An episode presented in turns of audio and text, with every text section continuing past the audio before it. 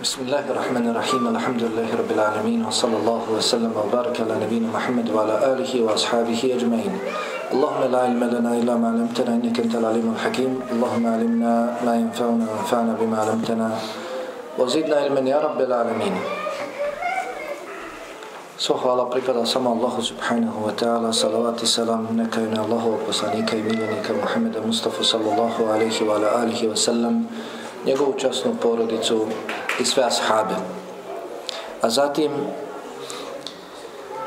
jedan od najvećih neprijatelja vjernika jeste šeitan. Onaj koji ih odvraća od njihove vjere. onaj koji ih odvraća od izvorne vjere, onakva vjera kakva je objavljena Allahom poslaniku Muhammedu alaihi salatu wasalam. Stoga, Allah subhanahu wa ta'ala nakon naredbe da uđemo potpuno u vjeru, onakvu kakva je objavljena Allahom poslaniku alihi salatu wasalam, pozaravala nas na šeitana, na šeitanske stope. Pa kaže Allah subhanahu wa ta'ala u suri Al-Baqara Ja juha alladhina amanu dhulu fi silmi kafe wa la tettabiju hutovati šeitan innahu lakum aduhu mubin O vjernice, uđite potpuno u vjeru. Uđite u potpuno vjeru. Onakva vjera kakva je objavljena. Uđite u izvorni islam. Prihvatite ga se u potpunosti. Nemojte slijediti šeitanove stope. Šeitanove stope, ko bude slijedio, odvešće ga te stope od pravog puta od potpune vjere, jer vam je doista šeitan otvoreni, otvoreni neprijatelj. I mi vidimo, dakle, da upravo to šeitansko uljepšavanje određenih dijela, određenih riječi, određenih ubjeđenja odvraća ljude, odvodi ljude sa izvorne vjere, onakva vjera kakva je objavljena Allahom poslaniku Muhammedu, Muhammedu alaihi salatu sam. Stoga, nije ovo jedini kuranski ajet, brojni su kuranski ajeti u kojima Allah subhanahu wa ta'ala naređuje da se držimo podalje od šeitana, da ne slijedimo, da ne slijedimo šeitanske stope. Pa zasigurno nove stvari u vjeri su uljepšane od strane šeitana, približene mnogim muslimanima, zbog čega mnogi muslimani i slijede i slijede i uvode u svoju vjeru. Dakle, te stvari, ta dijela, te riječi, ta objeđenja koja nemaju osnove u izvornom islamu, kakav je objavljen Muhammedu alihi, alihi salatu osam. Pa dakle, ovo predavanje govori o tome, o tim novim stvarima u vjeri, novotarijama, o njihovoj definiciji, šta su rekli islamski učenjaci, šta se sve smatra novotarijom i određene podjele novotarije, zatim kao primjer, samo kao primjer određeni kuranski ajeti, hadisi i govori pre, prvih generacija, prethodnih generacija koji govore o pogubnosti, opasnosti, slijedjenja novih stvari u vjeri. Onih koji nisu bili prisutni za vrijeme Allahovog poslanika alihi salatu wasalam. A zatim nakon toga, nakon toga, dakle ako bude vremena u ovom predavanju, ako ne, dakle onda u narodnom predavanju da govorimo o pravilima prepoznavanja novotarije. Mnogi dakle govore da je to od vjere, Kada budemo poznavali pravila i kroz ta pravila sva dijela posmatrali riječi i objeđenja, možemo zaključiti da li je to doista ibadet ili je, ili je novatarija. Pa da ne bismo mnogo duljili vrijeme gubili, da odmah dakle pređemo na potrebno. Brojne su definicije islamskih učenjaka o bid'atu, šta je bid'at, šta je, šta je novotarija. Tako šehol Islam ibn Taymiye rahimahullahu ta'ala kaže o značenju novotarije. Novotarija u vjeri je sve ono što nije propisao Allah ili što nije propisao Allahov poslanik alihi salatu wasalam. Novotarija, nova stvar u vjeri, jeste sve ono što nije propisao Allah ili nije propisao Allahov poslanik alihi salatu wasalam. Hafiz ibn Hajar rahimahullahu ta'ala kaže novotarija je sve ono što se uvede, a nema osnove u šerijatu. Novotarija je sve ono što se uvede, a nema osnove u šerijatu, nema osnove u islamu. Imam Šatibi, rahimahullahu ta'ala, kaže novotarija je izmišljeni put, način, izvedba, verzija, ibadeta koji se suprostavlja putu, načinu, izvedbi, verziji ibadeta koji je propisan šerijatom. Dakle, postoji verzija, način izvedbe određenog ibadeta koji je propisan šarijatom, dolazi na novotarski način kako da se obavlja taj način. Dakle, to je novotare. Jer ćemo vidjeti da pojedini ibadeti imaju osnovu, imaju osnovu šarijatom, međutim promijenila se njegova izvedba. verzija, dakle obavljana tog ibadeta, to se također smatra novotarijom, ne smatra se ibadetom. Hafiz ibn Hajar Ibn Rajab al-Hambali rahimahullahu ta'ala kaže novotarija je sve ono što se uvede u vjeru a što nema osnove u šerijatu koja ukazuje na to dijelo.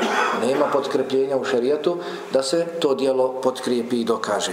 Šeh Ibn Usaymin, rahimehullahu ta'ala, kaže za novotariju, novotarija je sve ono što se od ubjeđenja ili riječi ili dijela uvede u vjeru, a suprotno je onome na čemu su bili vjerovjesnik alihi salatu wasalam i njegovi ashabi. Dakle, novotarija je svaka nova riječ, novo objeđenje, novo dijelo koje se uvede, na njemu nisu bili Allahov poslanik alihi salatu sam, niti njegovi ashabi, nema dokaza jeli, koji ukazuje na opravdanost tog dijela, tih riječi, tog ubjeđenja. Postoji više podjela, postoji više podjela. Na brzinu, da vam ne bi mnogo uzimao jeli, vremena, postoji više podjela novotarije, pa kažu el bida el haqiqije i el bida el idafije. Dakle, stvarna, istinska novotarija. Dakle, jeste ona novotarija koja nema ama baš nikakve osnove. Nema baš nikakve osnove. U potpunosti uvodi se dijelo. Nema ništa, niti općenitog, niti pojedinačnog, posebnog dokaza koji ukazuje na nju. Nema baš nikakvog dokaza u šerijetu. Dok el bida, el idafije, kažu, dakle, pripisana, pridružena, pridodana novotarija, dakle, to dijelo ima osnove, ima osnove u šerijetu, ima osnove u islamu, međutim, promijenjeno je, promijenjen je način izvedbe tog ibadeta i slično kako kaže imam šativi, to je da neki ibadet bude propisan u osnovi, da postoje dokazi o njegovoj propisanosti, međutim izgled tog ibadeta, način njegove izvedbe, kako se obavlja, nisu propisani. Zbog toga se zove elidafije, pridodana, pripisana, pridružena novotarija. Niti se u potpunosti poklapa sa propisanim, niti se poklapa jeli sa jeli onim što nije propisano. Primjer ovakvih novotarija nama je dobro poznat i prisutan među muslimanima. Zikr nakon svih namaza. Zikr na zajednički način. Dakle, zikr i kako ima osnove u islamu. Jedno od najboljih dijela. Brojni su kuranski ajeti koji nas postiču na zikr, da slavimo, veličamo Allaha subhanahu wa ta'ala. I brojni su hadisi u kojima se spominju verzije kako je Allah poslanik alihi salatu wasalam zikrio. Međutim, nigdje se ne spominje na ovakav način. Kada je tako bitan ibadet, i tako bio zastupljen kod Allahovog poslanika alihi salatu wasalam i prvih generacija da ne bude pojašnjena i ispravna verzija svakako pojašnjena je ko dođe sa tim ibadetom na svoj poseban način dakle to više nije ibadet to postaje novotarija to više nije ibadet, to postaje novotarija, promijeni se. Dakle, kada se ibadet, njegova verzija promijeni, kao što ćemo vidjeti iz pravila, to prestaje biti ibadet, postaje novotarija. Allah, Allah, hu, hu i ostalo. Allah, poslanik alihi sallam, nije tako zikrio, slavio veličao Allaha, dželjavala. Zikrite kako, dakle, ima osnove Dakle, ogroman ibadet, međutim, na ovakav način više nije ibadet, postaje, postaje novotarija. Također, kažu druga podjela bid'a trkije i bid'a fialije. Dakle, postoji novotarija kod ostavljanja dijela. Postoji novotarija u ostavljanju dijela i novotarija u činjenju dijela. Dakle, Allah subhanahu wa ta'ala je nešto naredio da se čini, pa to čovjek sam sebi zabranjuje. Dakle, ostavlja to dijelo i na takav način čini novotariju. Ashabi i Allahov poslanika alihi salatu sam činili su to dijelo, nisu ga ostavljali, ti dolaziš i ti dakle sebi zabranjuješ to dijelo, to dijelo dakle smatra se novotarijom. Ili dakle bide afijalije na drugoj strani, dakle novotarija u činjenju dijela, klasična je li novotarija kada se uvode, uvode dijela. Također, novotarija u ubjeđenju, novotarija u riječima i novotarija u dijelima. Dakle, nakon ashaba Allahovog poslanika alihi salatu sam kada su prošle te zlatne generacije počela su se javljati jeli, nova objeđenja džehmija, mutezila, kaderija i drugi dakle onih objeđenja na kojima nije bio Allahov poslanik alihi salatu wasalam i njegovi, njegovi ashabi. Zatim bid'a adije i bid'a ta'budije bid'a adije dakle novotarija u običajima novotarija u našem svakodnevnom životu po pitanju dunjaluka nema smetnje i to se svakodnevno dešava i nema smetnje i čovjek treba dakle da koristi nove izume, patente i ostalo savremena dostignuća. Nije vezano za vjeru. Dok bid'a teabudije vezana je za vjeru. Dakle bid'a novotarija u vjeri ona je dakle opasna jer nam je dakle u vjeri sve pojašnjeno vjera nam je upotpunjena. I dakle, peta podjela, kako kažu, bid'a kulije i bid'a džuz'ije. Dakle, prva bid'a kulije jeste novotarija čiju posljedicu svi osjećaju. Čije posljedice svi doživljavaju. Dakle, posljedice se prenose i na druge. Dočim? Dočim bid'a džuz'ije jeste novotarija koju ili čiju posljedicu osjeća samo onaj koji čini, koji čini tu novotariju. Zatim, brojni su kuranski ajeti, hadisi i govori naših prethodnika, selefu saliha, koji ukazuju na opasnost, pogubnost, opasne posljedice slijedjenja, slijedjenja novotarije. Ovo je samo kao primjer. Kur'anske ajete koje spominjemo, spominjemo samo kao primjer. La hasre laha. Nema, dakle, nemo teško je, dakle, sve ih pobrojati, ograničiti. Također hadise, a govore naših prethodnika pogotovo. Pa kaže Allah subhanahu wa ta'ala u suri Nahl 9. ajetu وَعَلَى اللَّهِ قَسْدُ السَّبِيلِ وَمِنْهَا جَائِرْ وَلَوْ شَاءَ لَهَدَاكُمْ أَجْمَيْنِ Na Allahu je da pojasni pravi put, a ima i krivih puteva, a da On hoće sve bi vas uputio na pravi put. Na Allahu je da pojasni pravi put, a ima i krivih puteva. Da Allah hoće, On bi vas uputio na pravi put. Sve. Kaže Sehl ibn Abdillah Testuri u komentaru ovoga ajeta Qasdu sebil, pravi put. Na Allahu je da pojasni pravi put. Kaže pravi put jeste tariku sunne, put sunneta. O minha jair, a ima i krivih puteva, kaže krivi putevi jesu el milal wal bid'a, jesu frakcije i novotarije. Kaže Allah subhanahu wa ta'ala u suri Al-An'am Inna alladhina farraku dinahum وكانوا شيعا لست منهم في شيء إنما أمرهم إلى الله ثم ينبئهم بما كانوا يفعلون tebe se ništa ne tiču oni koji su svoju vjeru raskomadali i u stranka se pocijepali brigu o njima preuzima Allah subhanahu wa ta'ala koji će ih obavijestiti o onome, o onome što, su, što su radili. Pa kaže se u komentaru ovoga ajeta da je ovdje riječ o sljedbenicima strasti, zabluda, novotarija iz ovoga ummeta. Ibn Atije, rahimahullahu ta'ala, kaže ovaj ajet obuhvata sljedbenike strasti, novotarija, šuzuza, iznimnosti, nastranosti jeli, u vjerskim pitanjima kao i one koji pretjeravaju u raspravama, koji se upuštaju u neosnovana tumačenja, sve što je podložno grešci dočim ispravna tumačenja Kur'ana i sunneta prvih generacija teško su podložna grešci.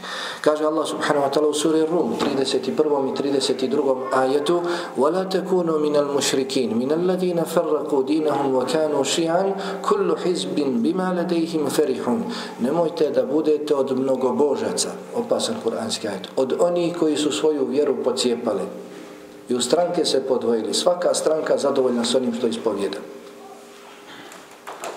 Nemojte biti od mnogobožaca.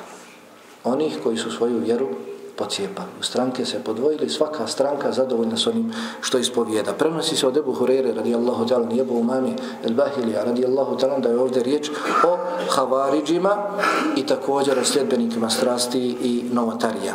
Kaže Allah subhanahu wa ta'ala u suri Al-A'raf, u suri Al-A'raf 152. ajetu Inna alladhina ittakhadhu al-ijla sayanaluhum ghadabun min rabbihim wa dhillatun fil hayati dunya wa kadhalika najzi al-muftarin doista one koji su prihvatili tele za Boga, koji su uzeli tele za Boga, za obožavanje njih, čeka kazna gospodara njihova i poniženje još na ovom svijetu, tako mi kažnjavamo one koji kuju laži, koji iznose laži. Pa kaže Ibn Ketir, rahimahullahu ta'ala, komentar ovoga, 152. ajta sure Al-An'am, koji izmisli neku novotariju, koji izmisli, uvede neku novu stvar u vjeri, doista će se poniženje te novotarije spustiti, dakle, na njega, poniženje zbog te novotarije suprostavljanja pravom putu spustit će se na njega, na njegova pleća.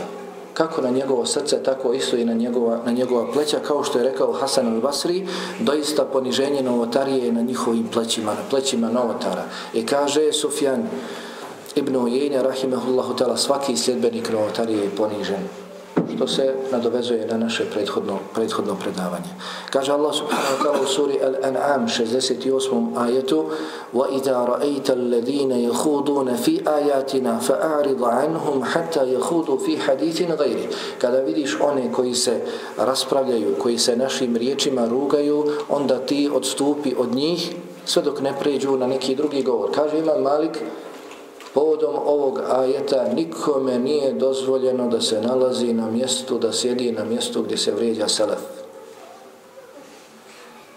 Allah subhanahu wa ta'ala ovdje kaže koji se našim riječima rugaju. Imam Mali kaže, to se misli na vjerovanje selefa, na objeđenje selefa, ko se ismijava s njim. Kaže Allah subhanahu wa ta'ala u suri Alu Imran, sedmom ajetu, huwa alladhi anzala alayka al-kitaba minhu ayatun muhkamat hunna ummul kitab wa ukhra mutashabihat فأما الذين في قلوبهم زيغ فيتبعون ما تشابه منه ابتغاء الفتنة وابتغاء تأويله وما يعلم تأويله إلا الله Doista ti Allah subhanahu wa ta'ala objavljuje knjigu o Muhammede.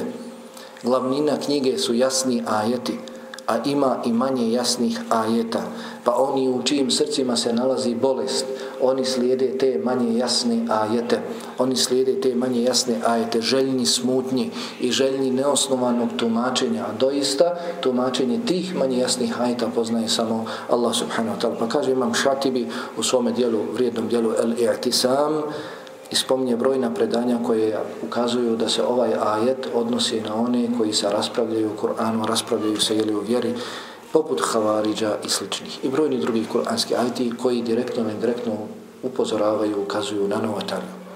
Brojni su hadisi Allahov poslanika alihi salatu sam.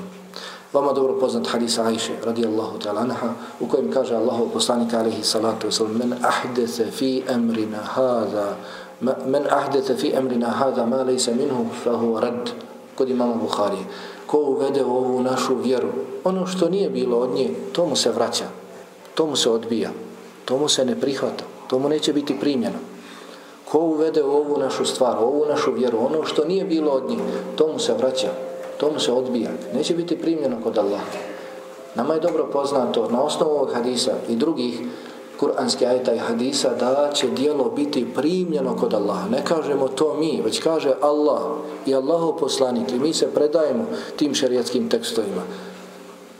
Jasni su, vjerodostojni.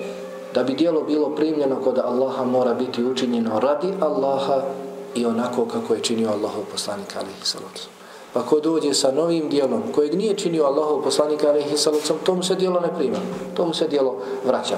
Dakle, tako stoji kod imama Buharije, men ahdete ko u našu vjeru uvede, dok kod imama muslima je došlo men amila amelen, lejse alehi amruna fahuared. Ko učini neko dijelo koje mi nismo činili, ono mu se vraća koje, ko učini neko dijelo koje nije od naše vjere, na čemu naša vjera nije bila, tomu se dijelo odbija, tomu se vraća. Pa Hafiz ibn Ređeb, alhambeli, rahimahullahu ta'ala, kaže ovaj hadis je jedna velika osnova Islama veliki temelj Islama. Svako dijelo koje nije propisano od Allaha i njegovog poslanika vraća se onome koji ga je učinio. Svako dijelo koje nije propisano od Allaha, od Allahovog poslanika, ali i sallam, koga učini, vraća se, vraća se njemu. Sve što je uvedeno u vjeru, to nije propisao Allah i njegov poslanik, to nema ništa s vjerom. Zatim, dobro nam je poznat hadis kod imama muslima da bi Allahov poslanik alihi salatu wasalam znao odpočinjati hudbu innan hamdalillah nahmeduhu wa nasta'inu.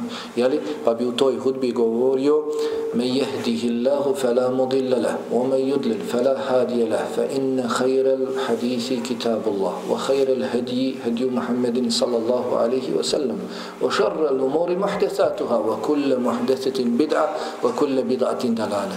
Koga Allah svojom milošću uputi na pravi put, nema toga koji će ga odvesti na strampoticu. I koga Allah pravedno ostavi na strampotici, jer je izabrao da bude na toj strampotici, nema to koji će ga uputiti na pravi put.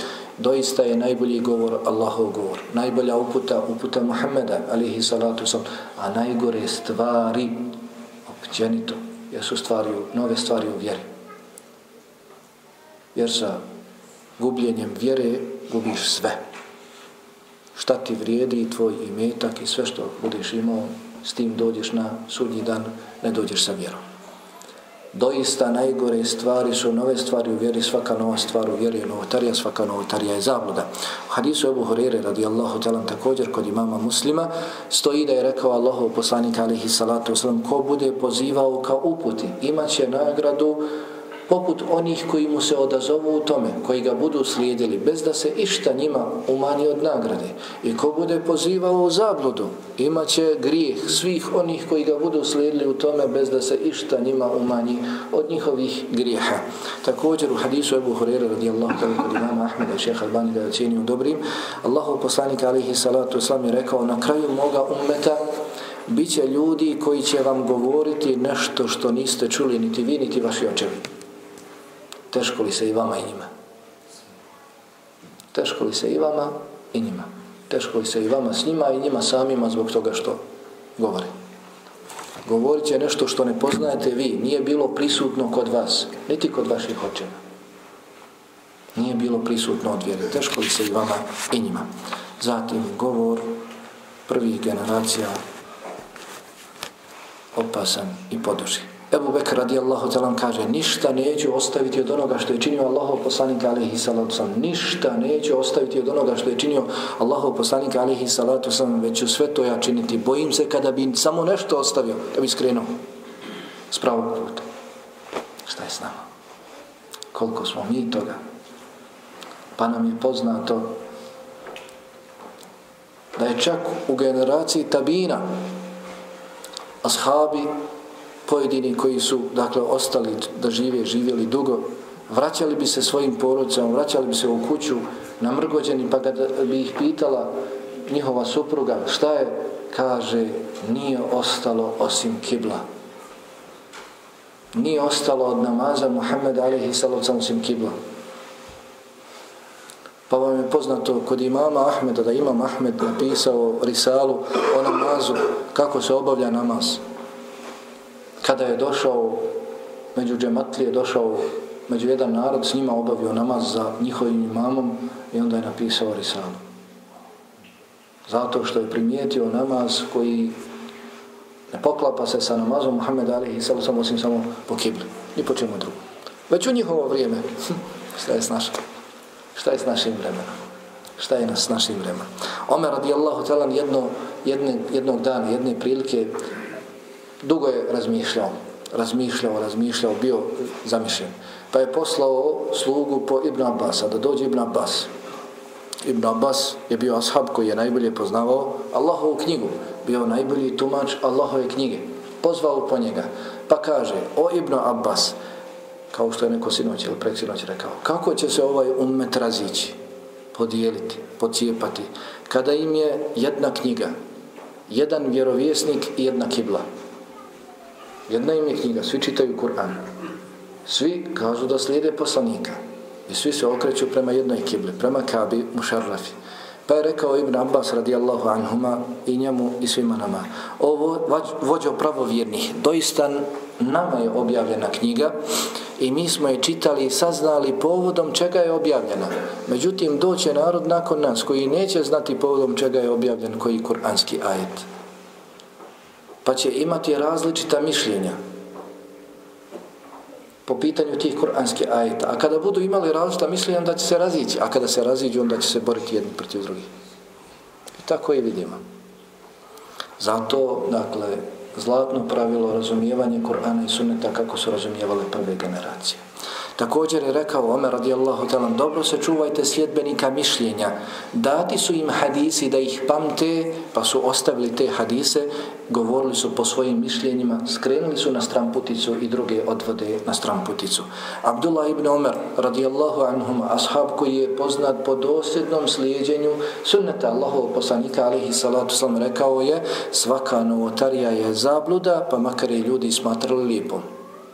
Onaj koji je najbolje poznavao sunnet Allahov poslanika alihi sallam, bio najdosljedniji u njegovom slijedjenju, kaže ovo. Svima nama poručuje. Ma kako vi smatrali to neko dijelo lijepim, korisnim, to je zabluda. Da je bilo lijepo, korisno, ne bismo mi pretekli Allahov poslanika alihi sallam u tome. On bi to činio, zasigurno. Pa je rekao Abdullah ibn Mas'ud radijallahu talan, slijedite ono što se prenosi od nas, nemojte izmišljati, to vam je dovoljno. Slijedite ono što se prenosi od nas, od ashaba. To vam je dovoljno, nemojte izmišljati. Rekao je također, umjerenost u sunnetu bolja je od ogromnog zalaganja u novotariji. Druge prilike je rekao, bolje je da malo radiš po sunnetu nego mnogo, da se slomiš po novotariji.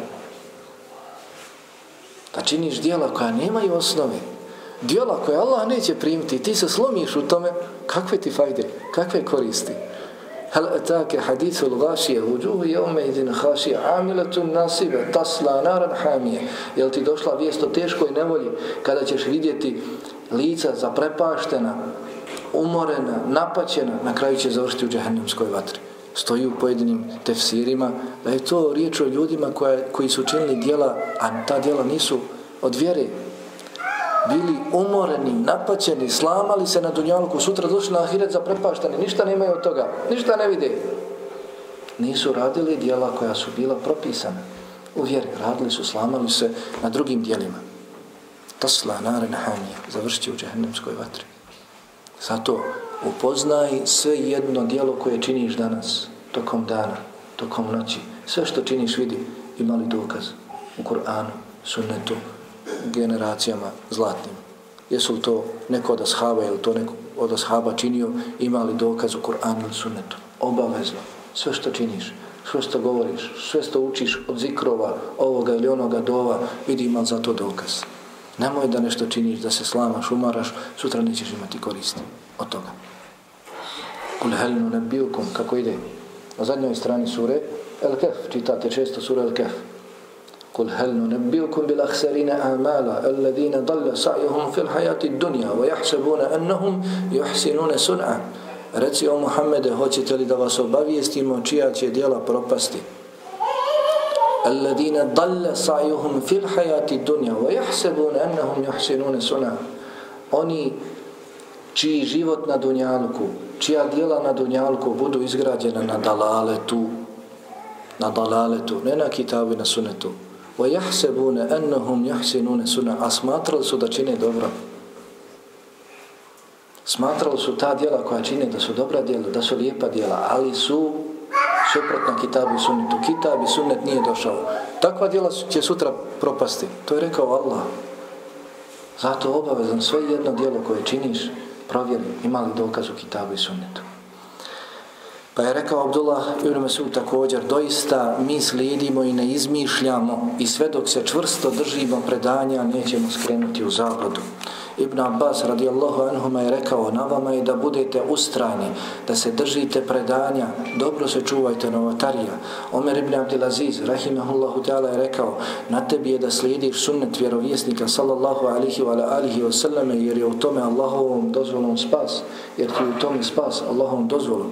Imam Malik rahimahullahu ta'ala je rekao onaj koji, koji uvede u islam novotariju, novu stvar, jer je smatra lijepom, taj kao da tvrdi da je Muhammed alihi salatu salatu wasalam iznevjerio poslanstvo, jer je Allah rekao jeume kveltu lekom dinekom, danas sam vam potpunio vašu vjeru.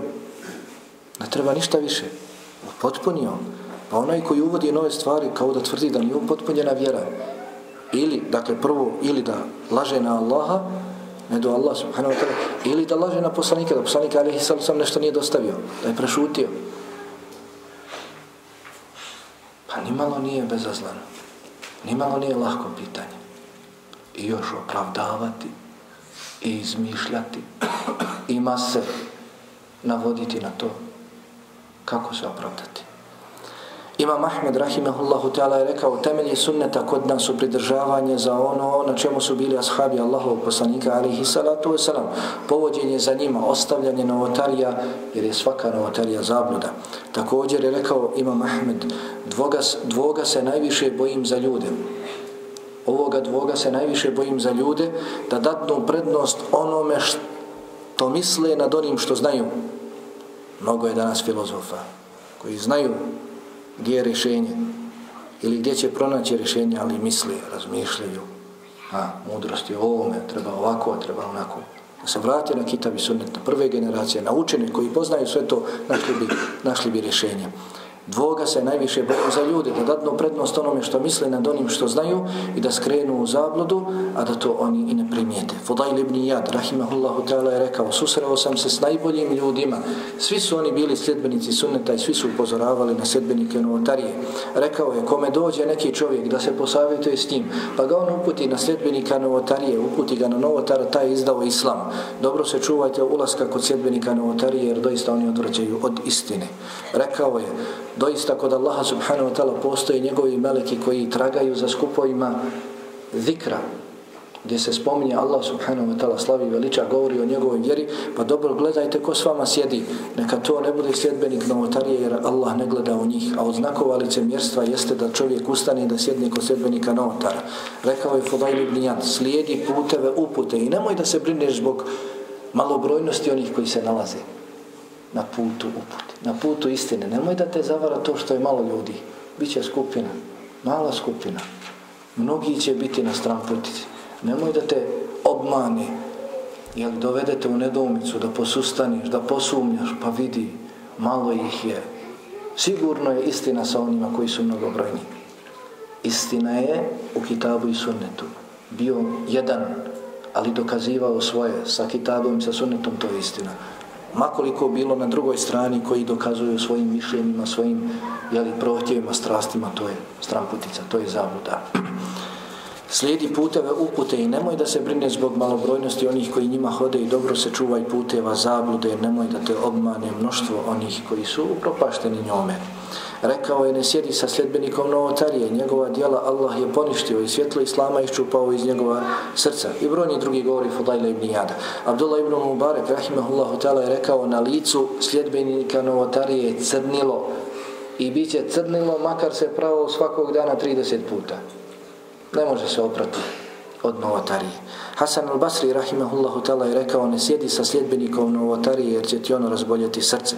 Amr ibn Qais, rahimahullahu ta'ala, je rekao, ne sjedi s onim koji je skrenuo s pravog puta, pa da i tvoje srce skrene. Ebu Idris al-Havalani, rahimahullahu ta'ala, je rekao, da vidim u mesčidu vatru koju ne mogu ugasiti draženje, nego da vidim novotariju u mesčidu koju ne mogu izmijeniti.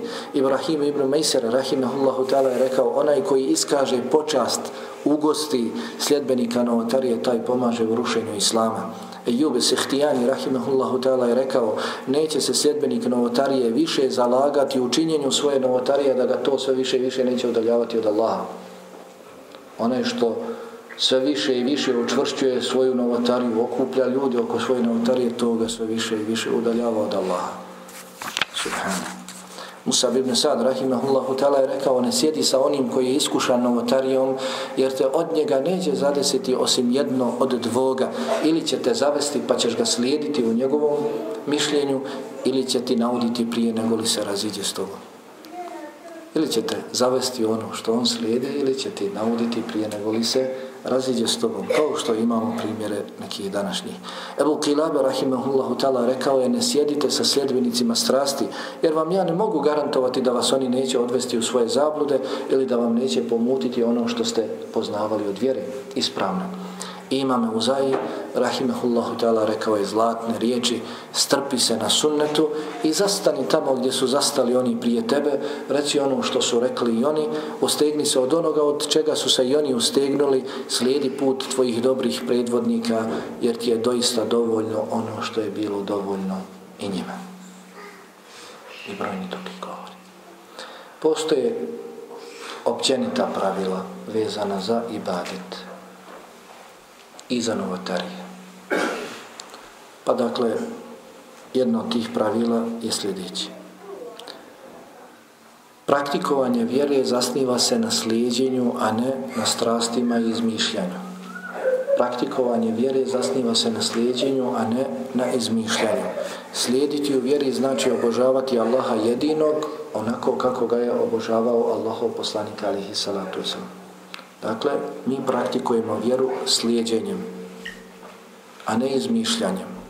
Šta znači slijediti? Znači slijediti, obožavati Allaha subhanahu wa ta'ala onako kako ga je obožavao Allahov poslanik alaihi salatu wasalam. Allaha moramo obožavati, njega jednog jedinog, nikoga drugog, mimo njega. Brojni kuranski ajeti naređuju nam to.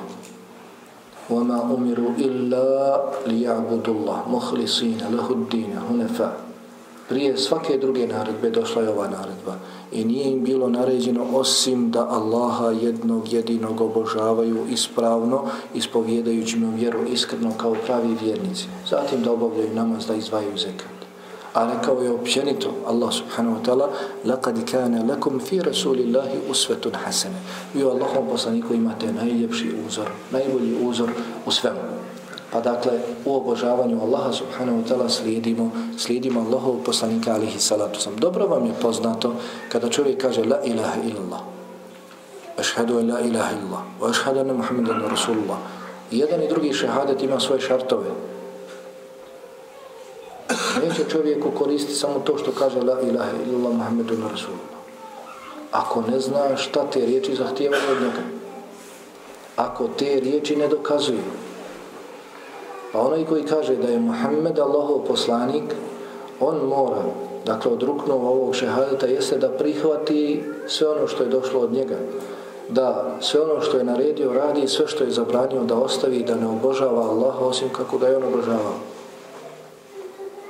To je od uvjeta ispravnosti svjedočenja da je Muhammed Allahov poslanik.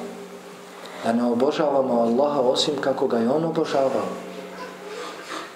Ako mi obožavamo Allaha kako mi hoćemo, onda svjedočenje da je Muhammed Allahov poslanik, da je došao kao poslanik da nam pojasni kako obožavati Allaha, to svjedočenje je krnjavo. Zatim pravilo osnova u činjenju ibadeta jeste ograničavanje na dokaz osnova u činjenju ibadeta je zabrana. Ne možeš ti od sebe propisivati ibadet. Ne može svako ko hoće da propiše od sebe ibadet. Svako ko neku stvar vidi lijepom da kaže da je to ibadet. Ne. Osnova u činjenju ibadeta, obožavanja Allaha subhanahu wa ta'ala je zabrana. Ne smijemo obožavati Allaha subhanahu wa ta'ala na takav i takav način sve dok nam ne dođe dokaz. Sve dok nam ne dođe dokaz. Dakle, velika osnova, veliko pravilo. Nema obožavanja Allaha subhanahu wa ta'ala na dotičan određen način sve dok nam ne dođe dokaz da se obožava na, na, takav, na takav način. Kaže Allah subhanahu, subhanahu wa ta'ala u suri Šura 21. ajetu Em lahum šuraka šereu lahum min ad-dini ma lam ya'zam bihi Allah Je li to oni imaju ortake koji im propisuju u vjeri ono što Allah nije dozvolio? Ko to smije propisivati u vjeri ono što Allah nije propisao? Zato dakle mi ništa u vjeri ne kažemo da je ibadet sve dok ne dođe nam dokaz za to. Dakle, ne kažemo da je neko dijelo propisano u vjeri sve dok nemamo dokaza za to. I treće veliko pravilo jeste da je vjera islamu potpunjena sa svim svojim propisima, dozvoljeno jeste ono što je Allah dozvolio, zabranjeno jeste ono što je Allah, što je Allah zabranio. I nema dakle dodavanja nema oduzimanja. Vjera je upotpunjena, što je trebalo biti dozvoljeno, Allah je dozvolio, što je trebalo biti zabranjeno, Allah je zabranio. Dakle, ovo su velika pravila. Zatim, nakon toga dolaze posebna općenita pravila. Pa ako možete pratiti da nastavimo, ili ćemo napraviti pauzu? Hm?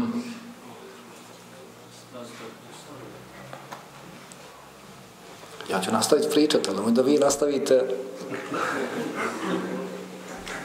kunjati.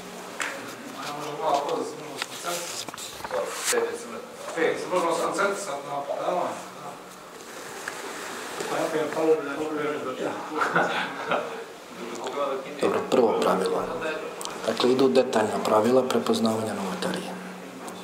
Dakle, svaki ibadet zasnovan na lažnom, izmišljenom hadisu na Allahov poslanika alihi salatu sam nije ibadet, već je novotarija svaki ibadet koji se dokazuje lažnim, izmišljenim hadisom nije ibadet, makoliko ga ljudi činili, makoliko ga ljudi slijedili, to je novotarija. Uvede se ibadet i praktikuje se i prihvati se od strane mnogih, kasnije kada se vratimo pronađemo da je taj ibadet zasnovan na lažnom, izmišljenom hadisu. Dakle, to nije ibadet, to je zabluda, to je novotarija. Malo prije smo rekli, veliko pravilo. Osnova je zabrana. Ne smijemo obožavati Allaha subhanahu wa ta'ala sve dok ne dođe dokaza. Dokaz u vjeri je Kur'an i vjerodostan hadis. Ne može biti lažan, izmišljen hadis dokaz u vjeri. Zato dakle sve što je zasnovano, izgrađeno na lažnom, izmišljenom, slabom hadisu je novotarija, ne može biti ibadet. Pa evo da čujete kako se poigravaju sa muslimanskim razumima. Dakle, lele tura gajb ili salatura gajb, namaz želja. Poznato je tako, da ljudi klanjaju. Namaz želja. U prvoj sedmici mjeseca ređeba, kažu u oči petka, dakle u prvoj sedmici, prve džume, u oči petka. Klanja se namaz, salatura gajb, namaz želja. Pa su izmišljeni brojni hadisi. Postoji dijelo, prelijepo dijelo, jako Bog da treba gledati da se prevede kori svi muslimana. Tanzihu šarija el marfu'a ani šanija til mevdu'a. Čišćenje odbrana čistog, svetog šarijata od ubačenih gadosti. U toj knjizi, po pitanju ovih sličnih ibadeta koje navodimo, spomenut su brojni izmišljeni hadisi. Čovjek se ne može naibratiti šta ljudski razum može sve da izmisli. Pa dakle, jedan od tih hadisa, Dakle, pripisali su ga Enesu radijallahu ta'ala. Da je rekao Allahov poslanik alihi sallatu sam.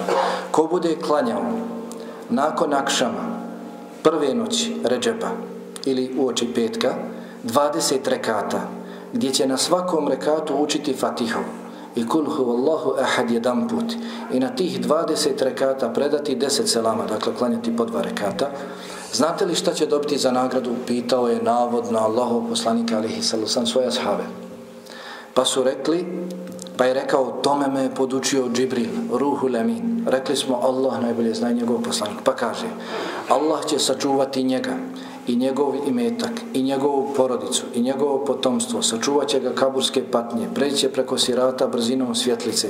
Neće imati obračuna, neće biti kažnjavan u kaburu. Pa kažu namaz od četiri rekata nakon klanjanja Ramazanskog bajrama. Nakon što se klanja Ramazanski bajram, pojedini klanjaju još četiri rekata. Pa su pripisali Selmanu el Farisiju radijallahu talan da je on prenio taj hadis od Allahovog poslanika alaihi sallam. Pa kaže, ko na dan Ramazanskog bajrama, nakon što klanja bajram namaz, klanja četiri rekata, gdje će na svakom rekatu prvo proučiti fatihu, a zatim na prvom rekatu proučiti sebi hisma rabbike ala, na drugom rekatu o šemsi duhaha, na trećem proučiti od duha i na četvrtom proučiti kul Huvallahu ehad, ko tako postupi imaće nagradu kao da je pročitao sve objave koje Allah objavio svojim vjerovjesnicima. I kao da je nahranio svu siročad na Dunjaluku. Okupao ih i očistio. Imaće se vapa koliko sunce obasja i oprostit će mu se za narednih 50 godina. Poslanik Muhammed Ali sam sam rekao. La ilaha illallah. Zatim, namaz polovinom mjeseca Šabana. Poznato je. Povodom kojeg su izmišljeni brojni hadisi. A jedan od njih hadis Ali radijallahu ta'ala, dakle stotinu rekata. Ja znam braće koji su klanjali kada su se umarali, slavali. Stotinu rekata, valja u toj noći klanjati. Pa kaže, hadis Ali, dakle pripisali Ali, a navodno prenosi od Allahovog poslanika alihi salusam. Ko u noći polovine šabana klanja stotinu rekata, proučivši na svakom rekatu fatihu i po deset puta kulhu Allahu ahad, dakle koliko, hiljadu puta kulhu Allahu ahad. O Alija, nema osobe da klanja ovaj namaz, da mu Allah neće ispuniti svaku potrebu koju iskaže te noći. Pa je Alija radijallahu tamo pitao, Allahu poslaniće, čak i ako ga je Allah upisao u nesretne, ako bude klanjao taj namaz, Allah će ga upisati u sretne, pa je rekao Allahu poslanik alihi sam sam na ono. Tako mi onoga koji me je poslao sa istinom i učinio me vjerovjesnikom, o Alija, doista bude zapisano u levhi mahfuzu da je taj taj nesretan, pa ga Allah izbriše i učini ga od sretnih. Poslaće mu 70.000 meleka koji mu pišu dobra djela, brišu loša djela i podižu mu stepene sve do kraja godine i poslaće Allah u džennet 70 ili 700.000 meleka koji će mu graditi gradove, dvorce, saditi drveća kakva oko nije vidjelo, uho nije čulo, niti su ikada stvorenja o tome razmišljala. U svakom džennetu će imati toliko, imaće više dženneta, u svakom toliko. Ukoliko umre te noće, umreće kao šehid. Allah će mu za svaki harf i sure kul huvallahu ahad ehad te noći koju prouči, dakle, suru kul te noći dati 70.000 crnovkih urija. Možete se sikirati vrlo lako. Crnoki hurija, 70.000 posluge, sluga, mladića, 70.000 pregrada, zaštita. Svakom onom koji te noći bude učio kulhu Allahu ehadu, pisat će se nagrada 70 šehida, primit će mu se namazi prije toga koji je obavljao i namaze koji poslije toga bude obavljao. Ukoliko mu roditelji budu u vatri i bude dovio za njih, Allah će izvesti iz vatre pod uslovom da mu nikoga nisu ravnim smatrali, uvesti ih u džennet. Svaki od njih će se zauzimati za 70.000 drugih ljudi, tako mi onoga koji me poslao sa istinom, doista neće otići sa dunjaluka, sve dok ne vidi svoje mjesto u džennetu onako kakvim ga je Allah stvorio. Tako mi onoga koji me poslao sa istinom, doista mu Allah svakog sahata u toku dana i noći šalje 70.000 meleka koji ga selame, rukuju se s njim i dove za njega, sve dok se ne puhne u sur, kada će se na sudnjem danu pridružiti čestitim pisarima. Allah će narediti melekima pisarima, ne pišite mome robu loše dijelo, nego mu pišite samo dobra djela sve dok ne umre. I takvih hadisa je more. S takvim hadisima se dokazuju brojni ibadeti o kojima se muslimani smala, slamaju, umaraju, a nemaju koristi od toga ni na dunjalku, ni na ahiretu. Zato, dakle, svaki ibadet koji je zasnovan, izgrađen na izmišljenom hadisu, lažnom hadisu je novotarija, makoliko bio proširen. Zatim, svaki ibadet zasnovan i na mišljenju strastima je novotarija. Svaki ibadet zasnovan na mišljenju na strastima je novotarija. Dakle, nema ni jednog novotara, a da za svoje dijelo ne traži nekakav dokaz. Kao što su i ovi izmišljali. I kao što vam je poznato, preneseno je od velikih imama koji su bili na stramputici, pa ih Allah uputio, koji su bili sa tim zalutalima, pa bi spominjali, nikada nismo sjedili i vidjeli neku stvar lijepom, a da nismo hadise izmislili o njoj. I tako je.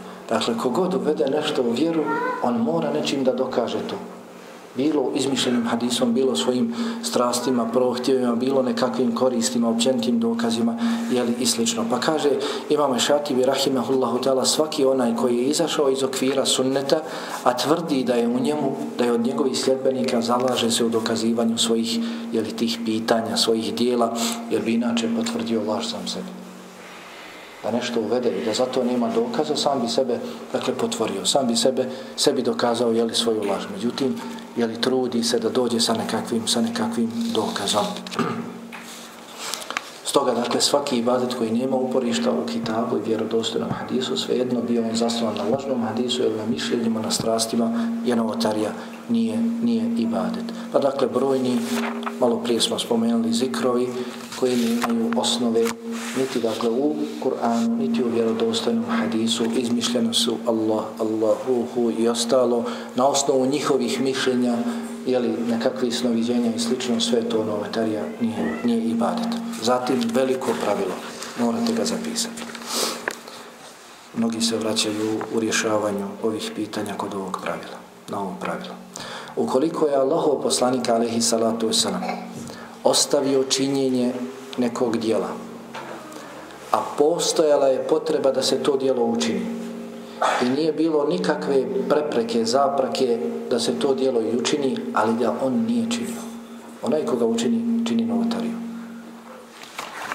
Ukoliko neko dijelo nije činio Allahov poslanik alaihi salatu wasalam, u to njihovo vrijeme postojala je potreba kao što postoji u naše vrijeme. I nema nikakve prepreke, zapreke da se to dijelo činilo u njihovo vrijeme, onaj koji učini to dijelo je novotarija. Jeste shvatili? Dakle, vrlo lahko ga je mogao učiniti. Postojala potreba kao što postoji i u današnje vrijeme, kažemo, postoji potreba.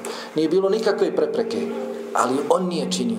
Onaj koji učini nakon njega dolazi sa novotarijom. Da Allahu poslanika alihi salacom nešto nije činio, kako znamo? Da nešto nije činio. Kad ti dođu danas, dođu ti mevlud, ovo, ono, to treba činiti. Pa mi kažemo poslanik nije činio. Otko znate da poslanik nije činio? Ha. Danas, danas ashabi obavijeste da to nije činio. Kako saznajemo da poslanik Muhammed alihi sallam neko djelo nije činio? Da je ostavio nešto. Ili da nas ashabi obavijeste o tome, ili da nas ashabi obavijesti o tome. Poput hadisa Ibn Abbas radijallahu anhuma u kojem se kaže da je Allahov poslanik alihi sallam sam klanjao Bajram namaz bez ezana i kameta. Ostavio je učenje ezana i kameta kod Bajram namaza. Dakle, znamo, nije učio ezan i kamet kako na osnovu riječi ashaba, na osnovu riječi Ibn Abbasa. I da ashabi ne prenose, dakle, to dijelo. Da ashabi, niko od ashaba ne prenosi to dijelo. Ne spominje se da su, dakle, oni činili to dijelo da su prenosili od Allahovog poslanika alihi salatu wasalam, a da ga je činio Allahov poslanika alihi salatu wasalam, sigurno bi prenijeli. Sigurno bi prenijeli. Nemoguće je da je on činio, a da niko od ashaba ne prenosi to dijelo da ga je činio. Jeste me razumjeli? Dakle, ili da jasno kažu ashabi, ne, Allahu psanik nije to činio, ili da šute, da ne, ništa ne govore o tome. Da je činio on, sigurno bi ga prenijeli. Jer oni su bili gorljivi od nas u dostavljanju vjere i pozivanju Allahu subhanahu wa ta'ala. Nemoguće da je on činio da to oni nisu dostavili nama. Jel? Pa, primjer toga imamo izgovaranje nijeta na glas. Je li tako? Izgovaranje nijeta za namaz na glas. Izgovaranje nijeta riječima je novotarija. To nije činio Allahov poslanik alihi salucam, niti njegovoj četvorca odobranih halifa, niti bilo ko od ashaba, niti je činio imam Ebu Hanife, niti imam Malik, niti imam Ahmed. Nešto slično se prenosi od imama Šafije, ali dakle prve zlatne generacije niko nije činio. Allahov poslanik alihi salucam na prvom mjestu. Oni koji kažu da treba učiti nijet na glas danas, kažu da se skoncentrišem da imam bolju koncentraciju u namazu, da znam šta klanjam. Ta koncentracija postojala je u njihovo vrijeme. Ista ta potreba da se skoncentrišu na namaz postojala je u njihovo vrijeme. U njihovo vrijeme. Nema nikakve prepreke, zapreke da je kažem te riječi. Tako lako ću reći. Na vejtonu salillahi ta. je lako. Isto tako nije bilo nikakve prepreke u njihovo vrijeme. Ali nisu činili. Onaj ko bude činio, čini novatariju. Postojala je potreba u njihovo vrijeme kao u naše vrijeme nije bilo prepreke ni u njihovom vremenu, kao što nema ni u našem vremenu, ali nije činio Allahov poslanika alihi sallam. Ko učini to dijelo, čini novotariju, ne ibadet. Poput dakle izgovaranja nijeta prilikom stupanja u namaz, poput zajedničkog zikra, poput dove nakon namaza i ostalo. Lahko je podići ruke, učiti, lahko je zikriti na glas, postoji potreba. Pa dakle, oni navode brojne primjere. Kažu, Otkud vi znate prije svega da Allahov poslanik alihi salatu sam nije činio taj ibadet? Dakle, pravdaju se kada uvedu neki ibadet. Konkretno, zajednički jezik, dova nakon namaza. Otkud znate da poslanik nije dobio? Otkud znate da poslanik alihi salatu sam nije zajednički zikrio?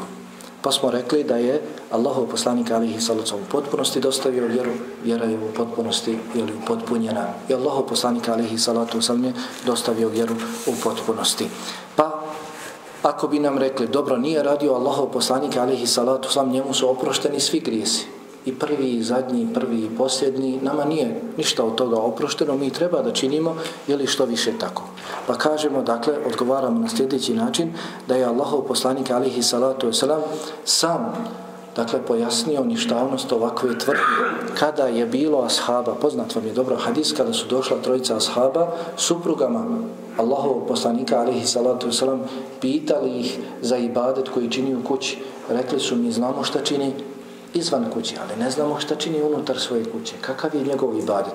Pa kada su supruge Allahov poslanika alihi salatu wasalam obavijestile ovu trojicu ashaba, rekli su njemu su oprošteni grijesi prvi i zadnji. To nama nije.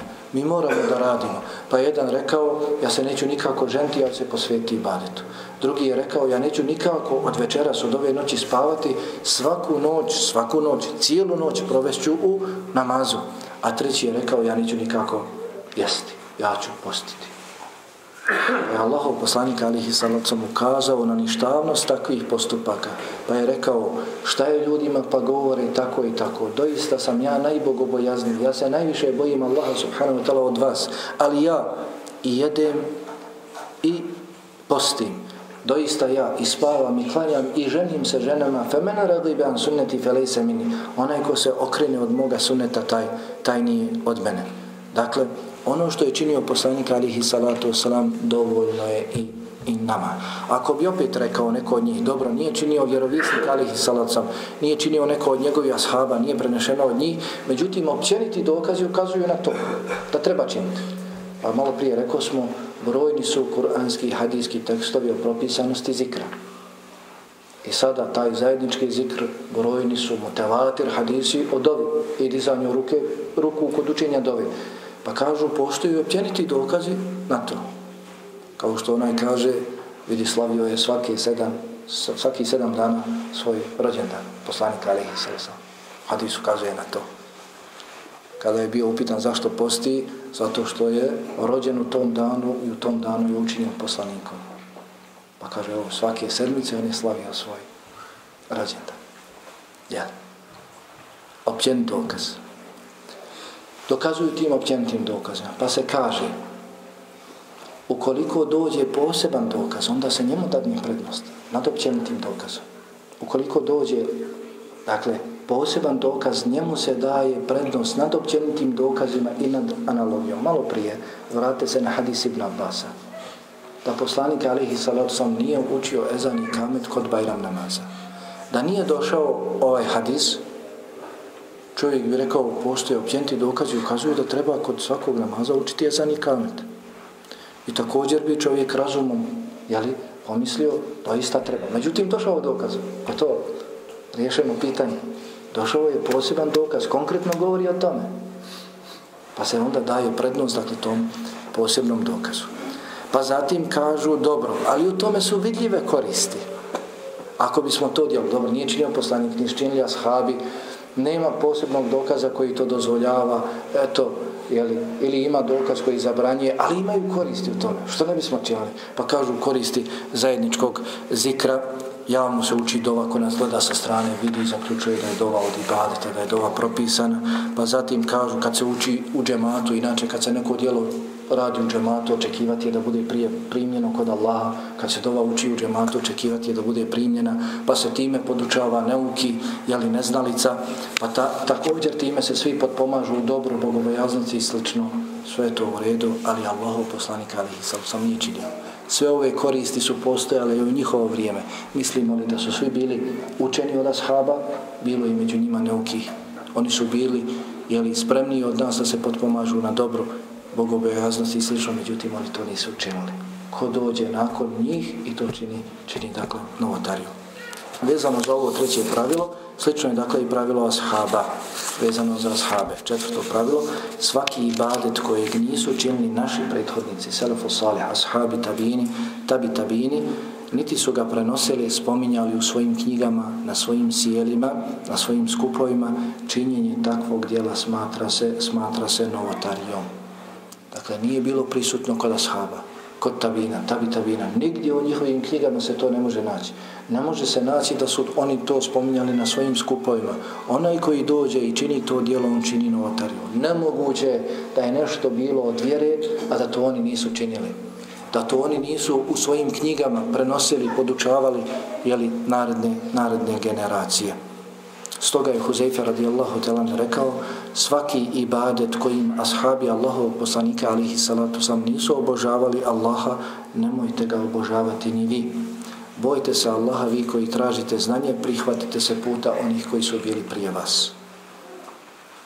Sejid ibn Đubeir iz generacije Tabina rekao je ono što nisu poznavali učesnici Bedra, to i nije vjera ono za što nisu znali učesnici bedra, ashabi Allahov poslanika alihi sallam, to i nije, to i nije vjera. Je, poput svih ovih namaza koji su jeli izmišljeni. Zatim peto pravilo. Svaki ibadet koji se razilazi sa pravilima šarijata, sa ciljevima šarijata je novotarija.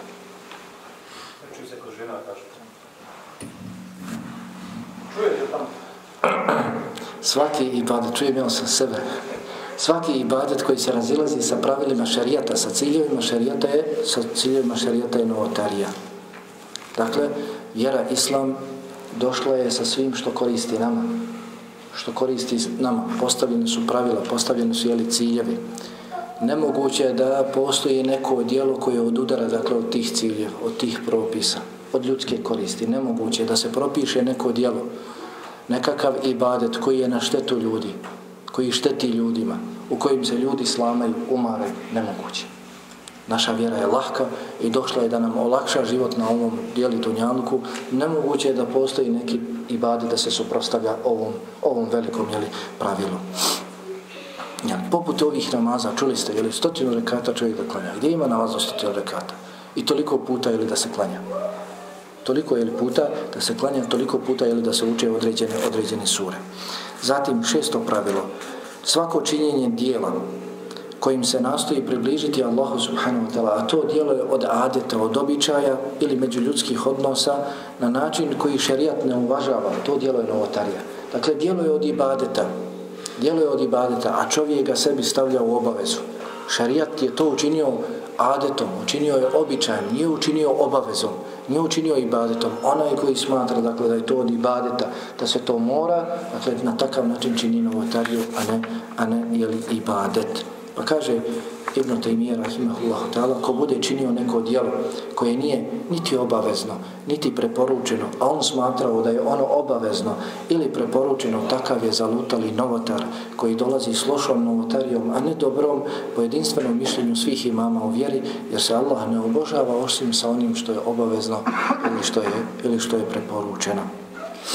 Jeli, poput oblačenja određene odjeće s ciljem vunene odjeće s ciljem približavanja Allahu subhanahu wa ta'ala, približavanjem Allahu subhanahu wa ta'ala stalnom šutnjom, ostavljanja, konzumiranja određene hrane i sl.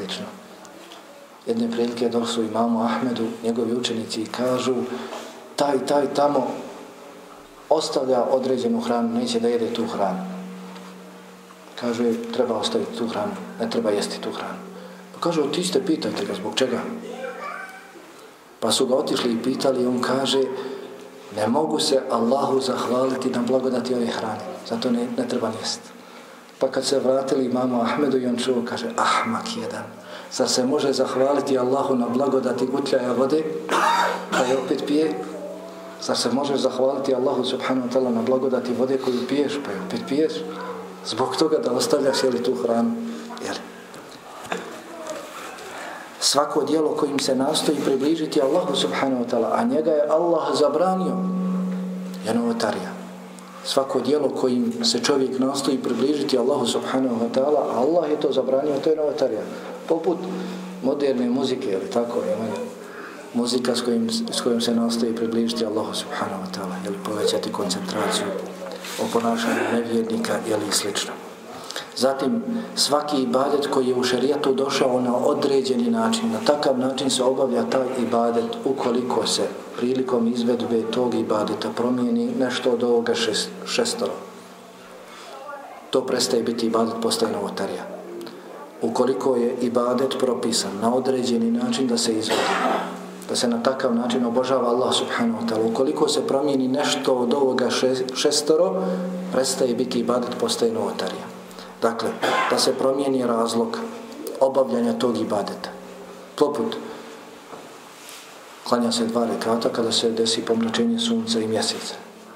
Dođe, kaže, treba klanjati dva rekata kada kiša pada. Zbog padanja kiše treba klanjati. Dakle, nema osnove. Kada se promijeni razlog. Kada se promijeni vrsta.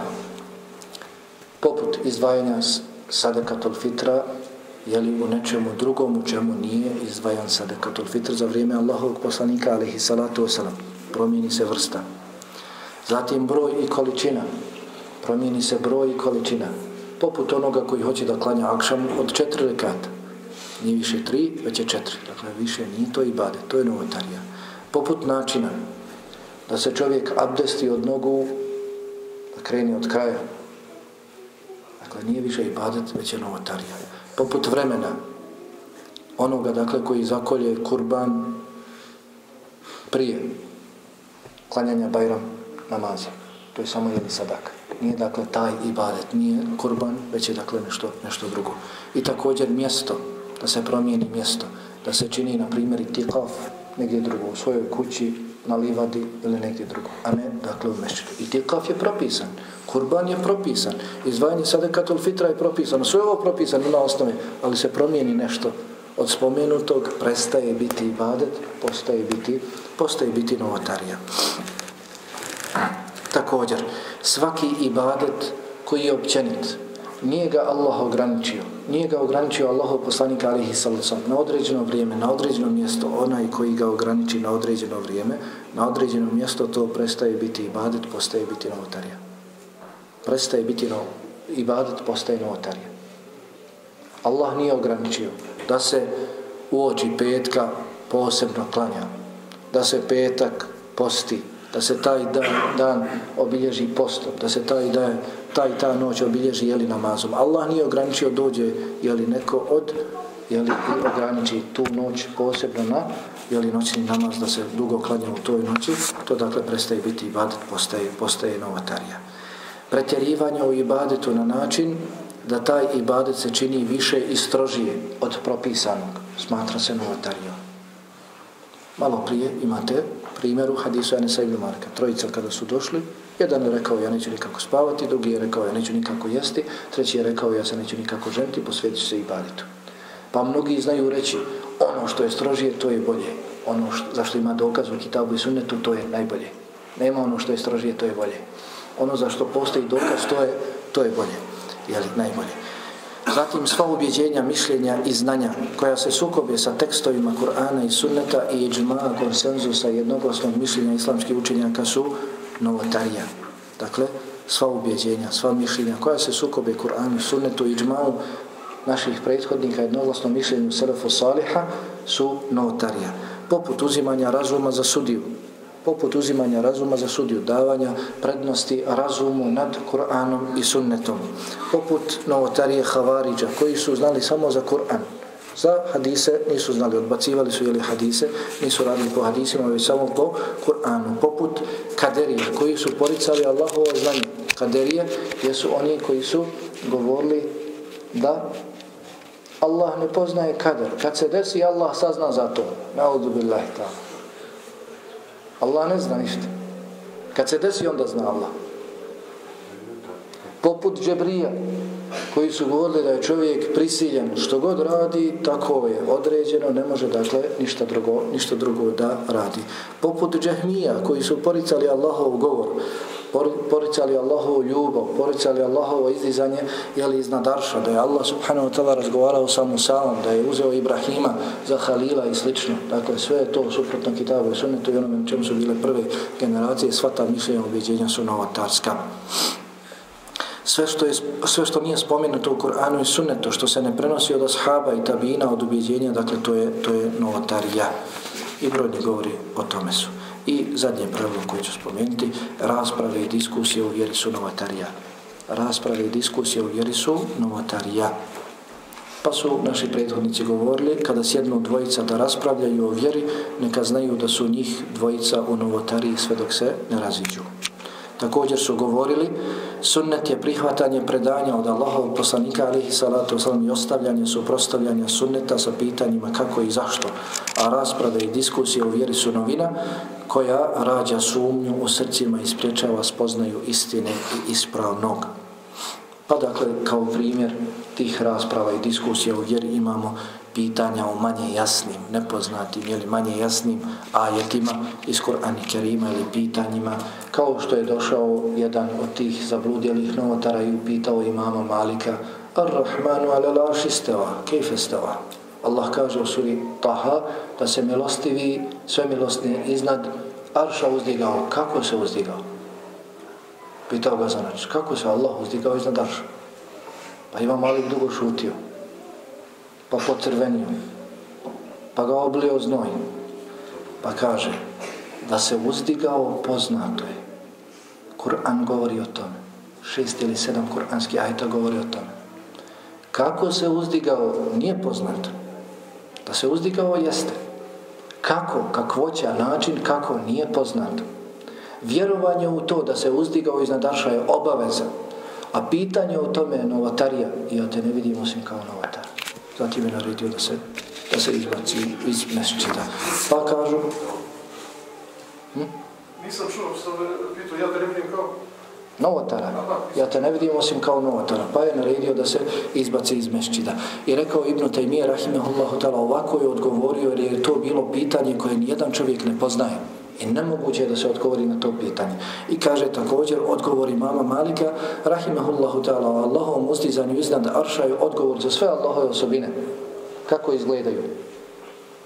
Kakva je Allahova ruka, kako je Allahovo lice, kako su Allahovi prst i, i, i. Ako je Allah potvrdio, obaveza je vjerovati u to. Kako je Allah da je bilo potrebno da znamo, pojasnio bi.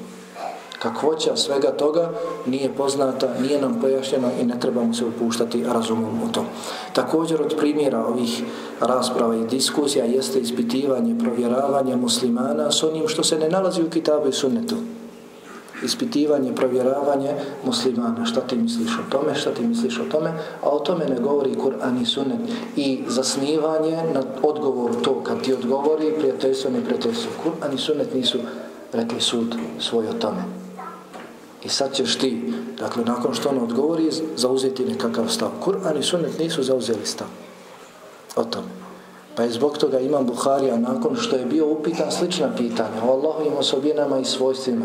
I kad je odgovorio kako je odgovorio, dakle drugi su ga uzeli za neprijatelja, protjerali ga, bičevali ga, jeli, pretukli ga i ostalo, napisao je i naslovio El imtihanu bida, ispitivanje, provjeravanje novotarija ispitivanje, provjeravanje muslimana, šta ti misliš o ovome, šta ti misliš o ovome, je novotarija. Također rekao je Imam Barbehari, rahimahullahu tala, ispitivanje o islamu je novotarija. Dakle, i brojni drugi vidovi, pristrasnost u onome što razdvaja i cijepa umetu, uspostavljanje ljubavi i mržnje na ovoj osnovi, također razna imena, nadimci, pokreti među muslimanima, jesi li ovaj ili onaj, jeli također ono što cijepa muslimane, rasprava oko toga treba biti ova ili ona, sve dakle to je novotarija. Allah nas je nazvao huva ili muslimin, kako stoji u zadnjem ajtu suri al-Hajj, on vas je nazvao muslimanima. I nema dakle potrebe nazivati se ovima, ovima ili onima. Allah subhanahu wa ta'ala molim da nas podrži u svakom dobro i da nas sačuva svakog zla, da nas učvrsti na slijedjenju Kur'ana i vjerodostojnog sunneta Allahovog poslanika alihi salatu sam u razumijevanju istih onako kako su ih razumijevale prve, prve generacije. Allahu Jalla wa'ala pripada sva hvala, salavat i salam na njegovog poslanika Muhammeda alaihi salatu i salamu.